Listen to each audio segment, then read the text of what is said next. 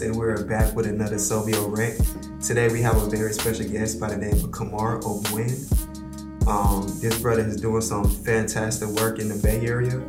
And so, before we start, um, Kamar, can you just introduce yourself and tell us about you, tell us about where you're from and like what you do, man? Peace, brother. Thanks for having me. Uh, just want to first give you a shout out for the amazing platform. The work that you're doing is much needed. Uh, we need more brothers like you in the space.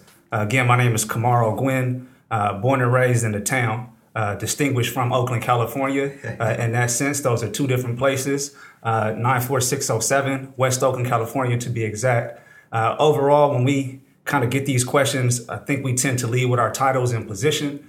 Um, but first and foremost, I'm a brother that's invested in trying to make sure that uh, we as a people uh, survive and thrive. Uh, and through that, we can only do that by making sure that the next generation is prepared to take that baton uh, when I'm no longer here, right? So to the people, right, I'm just another brother in the community trying to make a difference. But the official title that I carry with me every day is I'm the founding manager of the African American Success Project uh, for Berkeley Unified uh, School District in Berkeley, California. Yes, sir. That's dope, man. And so, what got you into education, man? Actually, it was my mother. That seems like a, a cliche thing to say. Um, but at the time, uh, my mother was working at Westlake Middle School here in Oakland. Uh, and I was a sophomore in college, so probably 19, very early, right? I was just out of high school. And she said, Hey, uh, I know that you're looking for work. Uh, those, those top ramen noodles is not getting it right? Uh, the work study is not getting it, uh, but mama ain't got no more money, but I do got a position you could apply for. Uh, and so she introduced me to someone who uh, was running extended day programs at Westlake Middle School. And so it was a group of us um, who was there, who were college students who were doing basically after school programming for students. Um, and every year I would say to myself, you know, these kids, these kids, these kids, right? And I would say, this is not for me, I'm gonna walk away. Uh, but in my reflection and thinking about uh, walking away, I begin to say, if it's not me, then who? Right? And at an early age, I begin to see behind the veil. I think that there is um, a lot of blind spots in the community about what happens in schools um, because you only get one vantage point. You get that vantage point as a student, you graduate high school, and perhaps you go on to a different career. Well, immediately after graduating high school, I started college and then I went back. And then beginning to have the chance to see behind the veil as an adult, I recognized very, very early that there was a need there, right? When you're doing extended day programs, you are essentially helping to support and prop up and lift up some of the deficiencies that are happening in the regular school day. Uh, and to be there as a tutor, to be there as a mentor, and seeing students who are in sixth, seventh, and eighth grade who can't read basic literature, then there's a call and a duty uh, to be able to step up. And so my mother got me the job, right, or introduced me for the interview to get the job. But what sustains me and keeps me there is that no matter what I do from year to year, the need is always greater than what I can contribute. So it's a never ending cycle of me returning and putting my best foot forward to be able to help students. You know what? It's funny you say that because that's that's kind of like how I got in education as well okay. too. Whereas I think the quote that says it's like God He qualifies the call uh-huh.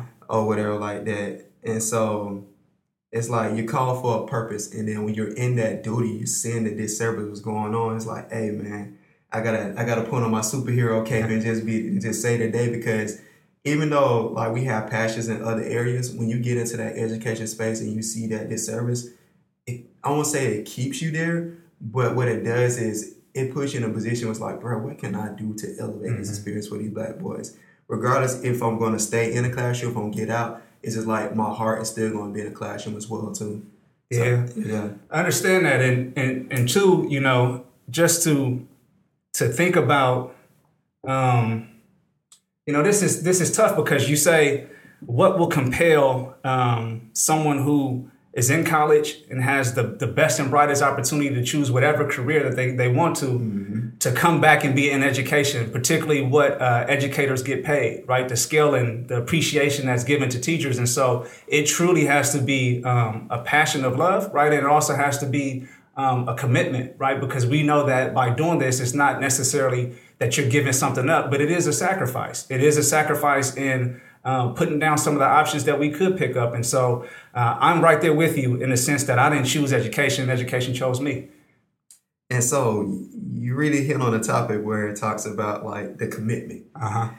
And you know, as a black male in education, we deal with a lot of bullshit. Yeah, no doubt. So it's like you as a black educator, like how are you able to accomplish your mission in a seasoning deficient space where it's just like you're surrounded by co-workers who are not of the culture, you feel me, who have their their philosophies on how education is supposed to be for these black for our black scholars, but it's just like you actually know the solution. How do you like how do you maneuver through that?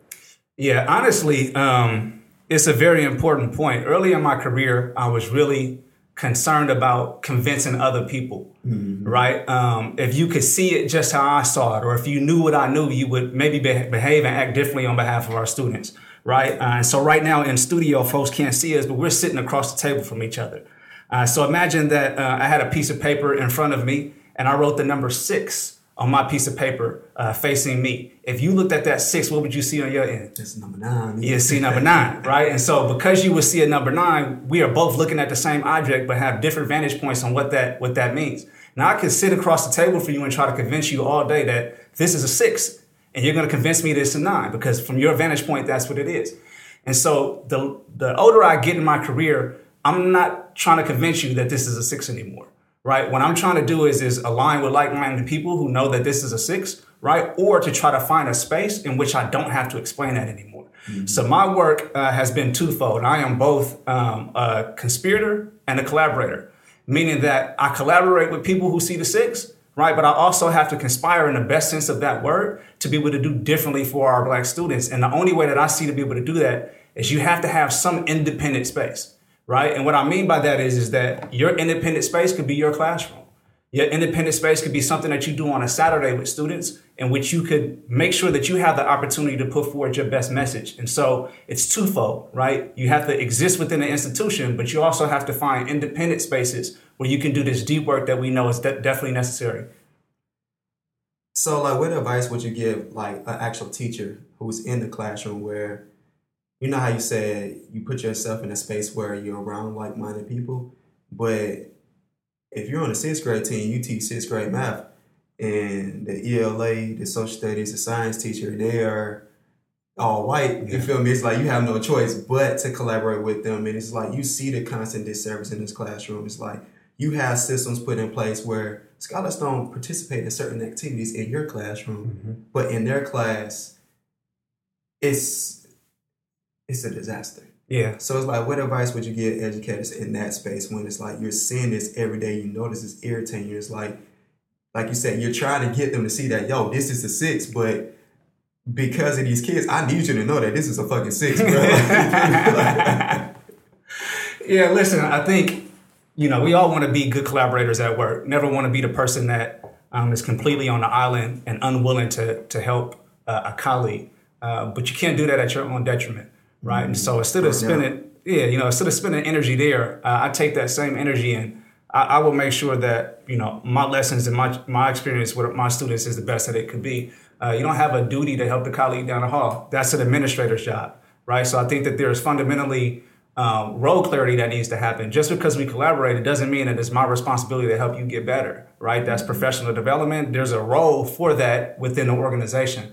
Uh, with that said, though, uh, I want to be clear that that like-mindedness might not be in your school building, right? You might have to have um, a group in the community, right, that that also uh, plays a big role in your sustainability. I don't get that from work. Uh, when I when I joined uh, Berkeley Unified School District in this position that I hold, uh, I was and still am primarily a department of one, right? And so literally the people that I would have conversation with was the elders and ancestors. And what do I mean by that is I was going to the text. I was reading Na'im Akbar, Wade Nobles, right? All these people who have said uh, Kunjufu, right? All of these authors and people who have done the deep work necessary to say, well, this is how you do education in the right way for black students.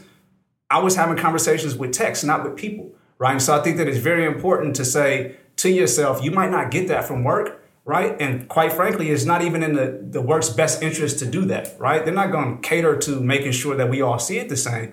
Uh, but you got to have some life sustaining kind of connections and relationships outside of work, i.e., what we're doing today. We're building, we're having a conversation. If I need you, you can call me and vice versa, right? Sometimes you have to do that outside of your network. So, with that being said, like, what do you feel like is an immediate, like, in time sensitive solution right now that we can do to elevate our black scholars with us knowing this information, like with these, I won't say these people, but like the individuals in a in a classroom who are not maintaining like the high level rigor that it should be maintained. Like, what's the immediate solution that we have right now? Yeah, first I think leading by example. Um, I'm always hesitant to to open up classroom doors uh, for others to quote unquote come in and see. Uh, but sometimes I think it's not just about telling people; it's also about showing them, right? And so there there are things that um, might come natural to you or me or someone else in the classroom space that might not be natural to someone else. And when you see that on text or when you see that in a PowerPoint slide, it might not resonate as much, right? Uh, something as simple as classroom management, right? So your attention getters in classrooms. Well, one, two, three, look at me might not be a culturally relevant way of doing that, right? If you have a different way of doing that in class, maybe that teacher can pick up on that. So I think um, having a practice in which if something is working for you, you allow people to, to come in and visually see that. I think that that is, is helpful. Um, I think uh, another thing is, is that, um, you know, I'm really about at this particular point in time, although it is the duty of the school district because they're public schools uh, to meet the needs of black students, we can't wait on that, right? And so, although our students attend these classes and attend these schools Monday through Friday, I'm not opposed to having Saturday school in which we control it. I think the best options for black folks and black students is to have something independent that we can control, right? We can't always control what happens with Susan's classroom down the hallway right? But we can control what we do for our students on a Saturday. Mm-hmm. Now that does take another level of commitment, right? It takes a, I might not get paid for that as a teacher, but if I really, really care about the students, maybe I'll get up for a couple hours on a Saturday. Maybe I'll partner with my, my parents and people in the community to be able to put that together. And so in that sense, it's the, it's the duality of using an institution, putting pressure on an institution to achieve equitable outcomes, but then also thinking about other alternatives, right, that we can pick up on our own in the black community, independent alternatives, right, that we can use to supplement what's happening uh, on behalf and for our students in regular traditional schools. I think you feel like there's some things that can be taught as well too. Mm-hmm. Mm-hmm. I do. I think um, I think your cultural upbringing is going to be um, an advantage in certain spaces, and it's just something that uh, you won't be able to to teach to someone else. Uh, the tricky thing too, I think, is that we often find our, ourselves in these positions where because you do uh, have this fluid sense of culture, right, the, your your background and what you've been raised with, um, institutions don't want to pay you for that knowledge, right? And so if you are a literacy expert, right, they'll pay you for that knowledge, right? We'll, we'll remove you from the classroom, we'll make you into a coach, right, or we'll take your curriculum and we'll pay you for that. But when it comes to certain things that you might know that works well for black students, they want to use you for your cultural capital, but they don't want to compensate you for that knowledge. They want to borrow from that knowledge, right? I.e., come teach me what you know, yeah, but they don't want to rubber stamp you as the expert in that field, right? And so I think that it's a it's it's a tricky dance to be able to help a colleague, but also to say, hey, I, I know something, and this is advantageous to me in the workplace in this capitalistic society that we have. How do I get compensated for that, right? So if I'm a teacher and I'm training other teachers, I thought we were peers. Well, if we're peers, and in this case, I'm teaching them something that I know, well, I should get that professional development pay, right? That's your expertise. That's my expertise, right? I dig it. Um, that kind of remind me of um, Ebonics. Yeah. Um, and I think about how like our EL learners, they have all these accommodations mm-hmm. where they get assistance. And I I don't don't call me, but I don't know too much about it, but I did know that it was a lady where she wanted to create it like anybody's mm-hmm. curriculum to help uh, our black scholars. Um, this was like back, I think, like years, years ago. But as you can see, a lot of our Latino scholars are actually reading better mm-hmm. than mm-hmm. some of our black scholars, and it's because they're getting those interventions. But it's just like we have our black scholars with these white standards or whatever. Like sometimes our black scholars actually do understand it, but mm-hmm. based off this white standard, they're not able to demonstrate mastery mm-hmm. or whatever. So it's like things like that. It's like, yo, why are we not incorporating? Why are we not paying people to come in to to provide those type of things? Because that's part of our culture. So anything that's like part of our black experience, what we know, you feel me? It's like we have a hidden language, but yeah, no doubt. Yeah, uh, Ebony Ebony Ebonics, right? Um, Ebonics. It was a big uh, it was a big deal uh, in Oakland. I believe I might have been a student at that particular point in time. Oh, you, oh, know about it, right? Yeah. Okay, cool. Gotcha, um, So it was it was some deep work. Uh, I got national uh, attention. uh, even some national criticism uh, about this, but it, it, raised a very important point uh, because um, if you don't recognize that as a language, then you don't provide the supports, right? And I mm-hmm. think it's also an equity concern. You know, in, in my work, there's always this uh, this what about me, right? And so I, I, do work on behalf of black black students all day. That that's my lens. That's what my essentially my job description tells me to do on a day to day basis. Uh, but when you begin to place things uh, in service in terms of supports and services for black students, it then becomes the well, there's other groups who might be struggling too. What about us? Right. And if you think about, for example, uh, LCAP funding in a district, uh, local control and accountability plans, right? And you think about supplemental funding that comes from the state, well, there's always funding for English language development, right, in that structure, but there's never a specific funding source for black students, black students right? Exactly. And so you can use a diversity, right, or you can have a focus within your district, but that's not something that comes from the state. The state has said, well, how are our EL students doing, right?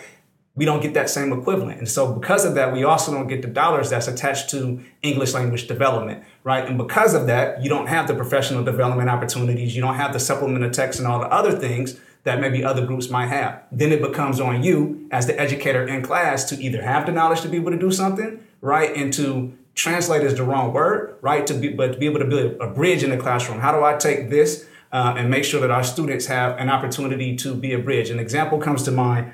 Uh, I was working with a teacher one year, uh, and she said on, it might have been SAT, ACT, one standardized test in high school that she took. And she was reading a reading passage uh, and an her um, to uh, a question about a yachet. And she said she spent so much time on that question trying to figure out how do I answer this question about a yachet, right? And so she thought it was like hatchet. Maybe they was a typo. Turns out it was yacht, but they didn't use the word boat. And so if you don't have a, a class connection, or if you as a student have never been on a yacht and don't know what that is, yeah. other than maybe a rap song, right? Your favorite rapper might have been on a yacht or something like that. Yeah. But if you don't know what that is, you totally blank on that quote unquote standardized test. Now, if it's a standard, well, then there has to be some medium, but not all students know what a yacht is. Yeah. That, that, that brings me back to the, the BIPOC. You know, exactly. it's like it put us in that category, but it's like, are we really benefited from it? Right. Yeah, you know, my uh, my perception on that is is, is again, uh, that's about inclusion. It's not necessarily for uh, the benefit of, of, black folks, but maybe that's another uh, conversation for another another day. yes, sir. Yes, sir. Well, if you've been in the education space, just knowing what you know, like what advice would you give to parents to tap in on? Yeah, you know, um, be aggressive. You know, I think that there's a stigma, particularly around um, Black community, about how we show up and present ourselves. Mm-hmm. Uh, at the end of the day, um, the school is a service, and you are the number one paying customer. Right, your tax dollars, your students present in those schools gets the school's uh, ADA, which is attendance money for your child going there. Uh, that school owes you a duty to make sure that when your student exit that program or exit that institution, um, they have every opportunity to accomplish what it is that they want to see done in their lives, right? And so we should not, as um, parents, be looking at whether or not, and I'm going to bring in equity for just a quick 2nd mm-hmm. As a parent, we should not be evaluating our school to say, how is my student, quote unquote, comparing to another student demographic, right? There's a common kind of question around equity, right? How are black students comparing to white students? It shouldn't be your question as a parent. Your question should be, how is this institution preparing my student to achieve whatever it is that they want to do in life? And so if your mm-hmm. student wants to be a cook, right, wants to open up a restaurant and is going to need some entrepreneurial skills, then your question then becomes, what school and what environment is going to prepare my baby to be able to do that?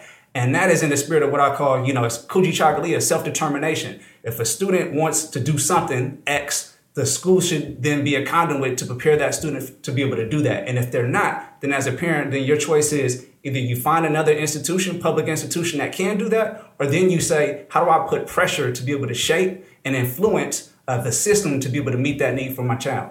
Exactly. And then I think a part about applying pressure is actually like knowing where the pressure points are, knowing okay. where you're going to apply pressure at. Because oftentimes I we do have parents. I work at a black school yeah. where you already know how they come up in the front office, bro, yeah. ready to ready to snap on every teacher. But it's just like I love that energy. But let's let's direct it on this reading score. Like you should be heated that your scholar is in this grade level. Like going back to I had some students come to my classroom for the reflections. And basically in the reflections, you reflecting on, okay, cool, what did you do to get sent out of class to get sent to Mr. Evans? Because mm-hmm. you know they send the, the, the black kids to the black teacher. So yep. So what what happened? What could you have done different? Then I had like a little restorative conversation with them. You know what I'm saying? They always reflect. So I had um a young lady in my classroom, young boy was in there, and I'm thinking like they just being defiant, like mm-hmm. they not doing nothing. So come to find out they couldn't read. Mm-hmm. One was in fifth grade, um, and one was in sixth grade. Yeah, one one fifth, one sixth, and they couldn't read. And I'm just like, damn, how do your parent not know this? Yeah, yeah. Well, it's because it's because we trust. Yeah. Right. It's because we we we trust the institution. I always gotta gotta make sure that I remember that um, I'm an insider. Right. I got inside knowledge that the average person from the outside doesn't have. Right. Mm-hmm. I have a good friend I, w- I was talking to. He's a he's a lawyer. Right. So.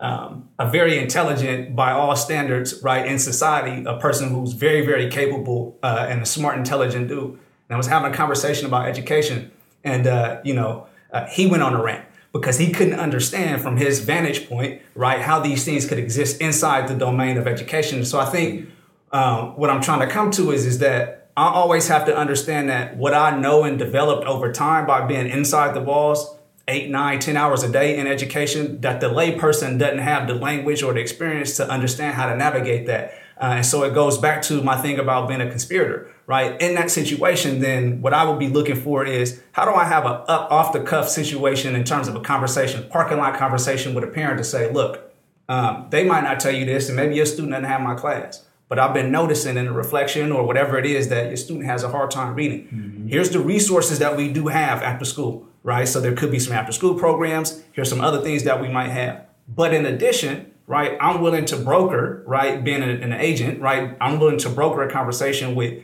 you, your student, and an administration about how we can get some reading support for your child. I think that then opens up the possibility for the parent to say, I have an advocate. If I have an advocate who can speak the language, and not the language of quote unquote English, but the language of all the acronyms and things that we use in education that most mm-hmm. folks don't know. If I use the term ELA, a parent's gonna be like, what's that? English language arts it's common to you and I, but it's not common to them. Yeah, yeah. And so if they get a progress report coming home that says on ELA or uh, NWEA, right? And I'm looking at all these numbers and all these graphs. I don't necessarily know. You know what most parents are judging their kids on?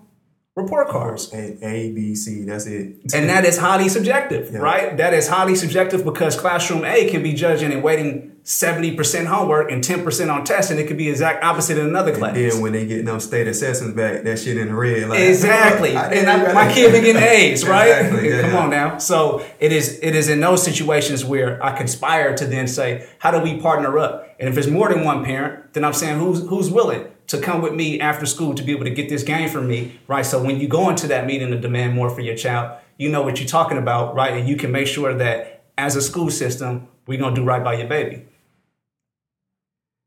That is right, and I thought I think I go back to mindset as well too, because uh-huh. um, I don't know how I got got over the financial financial literacy, but I think about back in the day, I had a um, one of my brothers used to always give me financial advice, very valuable mm. advice, but I just was not receiving it. Yeah, yeah. But it's just like as I became wiser, um, and then just different deliveries, I was able to receive it. So it's also like understanding like delivery because he was talking at me. Yeah, yeah, I got you. Whatever, but it's like when you deliver it the right way, people are able to receive it or whatever. So, like, what do you what do you feel like like finance plays a role in education as well too when it comes to like certain parents? I think about like now, like I'm good. I, I, I feel like I'm in a comfortable space. Whereas it's like when it comes to my son, bro, like I'm there. I know everything. Yeah. You feel me? But I work a lot. But then it's like I know I'm good though. Mm-hmm. But then you do have some parents that work a lot. You know what I'm saying? A lot of times, like the the older siblings taking care of the younger mm-hmm. siblings, getting them ready. So it's like like how how much does finance play? They is involved with education as well too when it comes to like parental involvement. Yeah, it's a, it's a major role. If you are um, preoccupied with food, a basic need, yeah. right, and you have to work um, hours that are not um, complementary of the schedule that we put parent events on, right? So most parent events might start 6 p.m. because we know that parents are working nine to five. Or if I work the night shift and that's something I got to do, I can't be there, mm-hmm. right? If I work the day shift, I can't take off if I really need. If I'm an hourly employee, I can't take off that time to be able to go inside the classroom and do an observation to get get a teacher feedback on how to do best by my child. So I think that class is a very very important thing. So yes, financial literacy is important because um, being financially literate can help you elevate your class structure, right, in terms of how much money you are making. Uh, but ultimately, we know that uh, folks with money have greater influence even amongst public school systems. Mm-hmm. If but for the fact that because of having more money, you have more ability to be present, right? And that is what we're what we're talking about. You might not have all the knowledge and expertise, but your presence alone allows you to be in the game and having a conversation. Whereas a parent who might be working two or three jobs just to keep the lights on doesn't have that ability to be able to do that. Um, I think that in those situations, um, it is incumbent upon us in the school district to think about how do we um, help those individuals navigate and make sure that we are offering alternatives. But yet and still, I think it is also upon us to make sure that we have uh, people who can be um, advocates in absence of right? So meaning that a parent might not have to be there, but if there's a, a caring staff member who can say, look, I talked to Ms. Jones. I talked to her this morning when she got off the night shift before she went to bed. And she told me here's the main concerns, right? My job as the advocate, whether that be a parent engagement specialist at the school site, an assistant principal, or somebody on the campus, is to go take notes and not make decisions on behalf of Ms. Jones, but then to go back and report to Ms. Jones and say, well, this is what they're saying. What do you think about this? And so I think there's creative ways to be able to get around it. Mm-hmm. Uh, but I, I do hear your point that if we're not financially literate, meaning that we don't have the tools to be able to um, progress on the spectrum and scale of class, then we know that that is also a losing uh, ability for us to be present and then I also, frankly, have options. You know, uh, one of the things that I missed in the introduction was just uh, my school experience, you know, coming up in, in Oakland. And, um, you know, first through third grade, I went to, to private school. I went, I was raised by the saints, I like to say, right? So I went to, I went to Catholic schools. Now they were black Catholic schools and we had a lot of black staff, but it was still Catholic schools. My parents were able to afford that. After third grade, they weren't right? And then I entered into public education. And those public schools were a lot different than the sheltered kind of structured environment that I had amongst the Catholic schools. What I mean by that is, is that um, in that school system, when I was going to Catholic schools, my parents didn't have to worry about it just because of what it was, right? Mm-hmm. But when I went into public schools and I began to have trouble in those settings that I never had before, well, my mama wasn't available to come right? I didn't necessarily have an advocate. And so I have a personal lived experience in which uh, the experience between maybe a private school, Catholic school, and a public school was night and day for me, including my performance in those schools, right? And I was one of those students where my parents were working two or three jobs and didn't have time to come into the public school and check in on me. I just know, man, my pops worked, but that belt was always available. that belt was always available, bit like when I bring that private support home. It, nothing less than a B, Brad. So I think that's how he. Well, I know that's how he held me accountable. Yeah. But also, um, I'm bringing on a point that David Banner was talking about how like a lot of times people are well, our people is focusing it now. Like when you're in a position where you're really not financially there, you're focused on like how am I going to eat now? Mm-hmm. How am I going to keep my lights on now? And so like when I was coming up, I always just seen is either you going to the military, either be a drug dealer, or you be a ball player. Yeah. That's how you're gonna become successful. So it's like having access to people who, you know what I'm saying, who are elevated, but also like doing things, incentivizing kids now, like where it's like, hey, let me take this a little bit serious. So what he was talking about was just like a system where like either parents will receive some type of stipend or the student will receive some type mm-hmm. of stipend for their grades. So like even showing growth in reading. Yeah. So it's like it will make them think like, oh dang, um, Brandon just got paid five hundred dollars for making sure that he made his reading goal. Dang, let me get let me get this. Yeah. You feel me? So it's like I definitely feel like it has to be more programs that are like that because I think these same systems that are working where these reading organizations are coming along, but it's just like isn't really producing the results because we're still behind on reading. So it's like, what can we do now? So my question is like, what is your thoughts about like incentivized learning and things like that?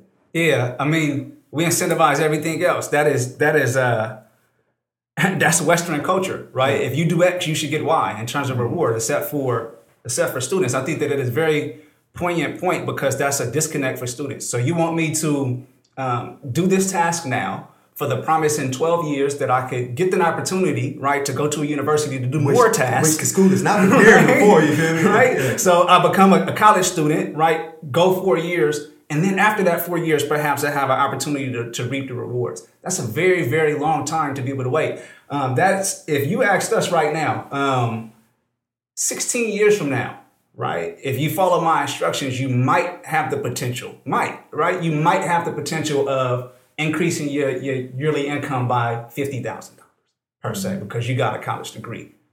We gonna bet on that 16 or we gonna do something now, right, that can probably expedite the opportunity to do that. We're asking our students the same thing. Wait 16 years for your opportunity. And children don't have that that foresight. They don't have that vision to be able to see that this is gonna gonna pay off later. So this deferred, delayed gratification Yes, that is true, and that's a part of it. Um, but what you're talking about is um, those intrinsic and extrinsic reward, intrinsic and extrinsic rewards, right? So it's internal. We have to teach that to our kids that you should do your best because you should always put your best foot forward.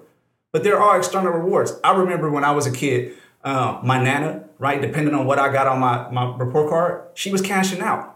I was looking forward to that money, right? Mm-hmm. Because it was my money. I could do whatever I wanted to do with five dollars for right. AA, bro. I don't care what it was. I could spend it on candy. I could do whatever I wanted to do with it. But I also uh, remember, and we know that uh, scholars have talked about this, and you hear this: the invisible institution, right? We have a colleague who talks about this: the church.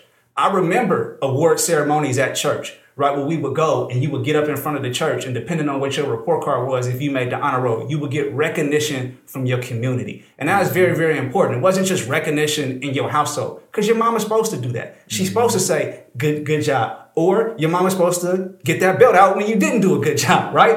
That's that your mom. Is always it's present. always present. You got that on my mind. All the butt whippings I didn't got for them bad grades. But with that also said is, is that education for black folks has always been a community affair, mm-hmm. right? And to that end, it might not be the church. I heard you say the bruh, so I'm, I'm, assuming that that's some fraternity. And most fraternities yeah. have some type of youth initiative. It could be through the fraternity or sorority, right? But that just underscores that education for us is always a community affair, right? So we could also be seeking what community organizations can we tap into who's ready and willing to be able to recognize our students for the great work that they're doing. And it's like and it's all about the community coming involved with it as Absolutely. well too. Because think about when it comes to football, like the community come together, they uh-huh. easy, they're ready to brag about yeah. having state championships. But okay, it's good. How many of those? How many of them went to college? Yeah, like one from Warner Robins, Georgia. I attended Northside High School. We're known for football. Okay. So much talent, so many legends came through that school. But if you were to count like how many actually like were successful, mm-hmm. it's like they just use them for football, bro. Mm-hmm. Mm-hmm. And it's like the community backing them with football, but what was the community at when it comes to academics? Yeah. Oh, you know, I think that um, we're in an era now where um, with access to social media and the way that we can collaborate, I think that uh, we are in a renaissance for the athlete, meaning that uh, we have been uh, in athletics for long enough now that we now have seasoned veterans who can tell us how to play the game. Uh, think about um, Deion Sanders at, at, Jackson State. Oh yes, right. Uh, and if you look at any of the um, in- interviews that he has in terms of the inspiration and the community support and backing behind that, right? You have him himself as an athlete who can advise and give great advice, right? But he also has a network, right, of other professional athletes who can get this information in the hands of students earlier than they ever had it before, right? Mm-hmm. And so if you're thinking of this, because they're thinking about you as a business, like you just said, if you're exiting middle school, going into high school, also thinking about this as a business, right? Financial literacy, etc. Now you you have a situation where you say, well, I know that you're looking at me as a football player, but I'm also looking at you for what you can give me as well. I think that that is a different level of mindset that we haven't seen maybe in the last 20 years or so actually has been developing. And I think that it comes with social media, but it also comes with um, the savviness of our athletes becoming more athletes and being able to take this knowledge and then pass it down to younger folk. Exactly, exactly.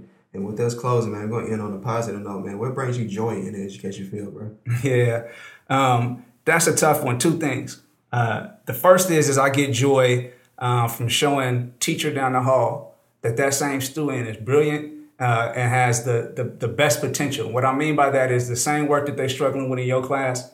If we remix it and put it in the way that we do it in our program, um, they can do that same work. Uh, and it always is a look of shock on, on people's faces. And then they're curious, what did you do that I didn't do? So that brings me great joy to be able to see that there's students that you might have doubted their ability and their potential, uh, but we're able to bring the best out of them. Uh, the second thing is, it's the opposite of that.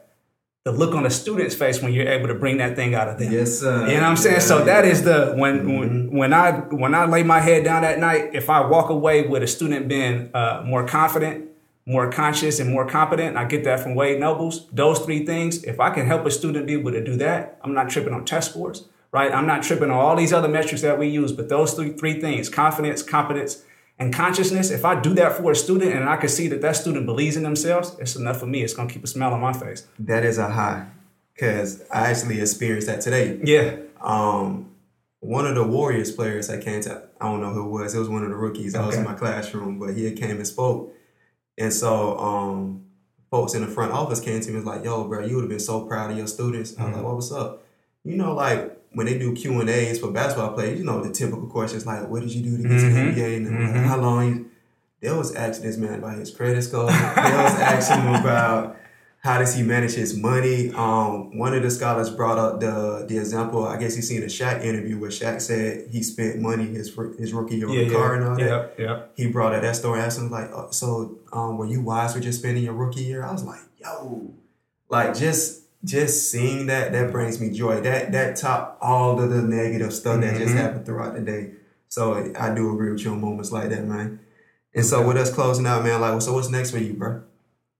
Um, I'm walking in a, the path that God puts for me, right? Mm-hmm. And when I say say that is that uh, I'm not sure if uh, I'm going to continue to be a quote unquote employee of Berkeley Unified School District, uh, but I'll always be an employee of the people, right? And so I am really uh, having my my ear to the ground and being receptive to to what's next. Ultimately, for me, I'm coming to the point of I think that I can do better outside um, of um, the parameters of public education. I think I can have the same impact on my own. So I'm looking to do something uh, entrepreneurial. What's on my heart and mind right now is that you know the program that I started when I needed assets for that program, right? I needed teaching materials and things to be able to source for this cultural enrichment program called Umoja. I wasn't able to, to do that. I couldn't find it, right? And so uh, there has to be other brothers and sisters out there who want to do the work, but also need these supplies and materials. And so I'm really interested in at this particular point in time, uh, laying the groundwork and foundation uh, that makes sure that we have the assets uh, in a way that can be accessed by our community, right? That we have the materials and supplies that if you wanted to do this work in Georgia, right, you had that opportunity to be able to do that because a brother in Oakland was able to put that together to help you out. Yes, sir. And so if anybody's listening who would like to get in contact with you, how are they building in contact with you? Yeah, so my company is called Nyota. That means uh, star in Swahili. It's very simple. You can just email me, K A M A R, at Nyota HQ, N Y O T A HQ.com. Yes, sir. So, ladies and gentlemen, that was another Silvio rant. Um, Kamar, appreciate you joining, man. Stay blessed, homie. You too. Peace. Yes,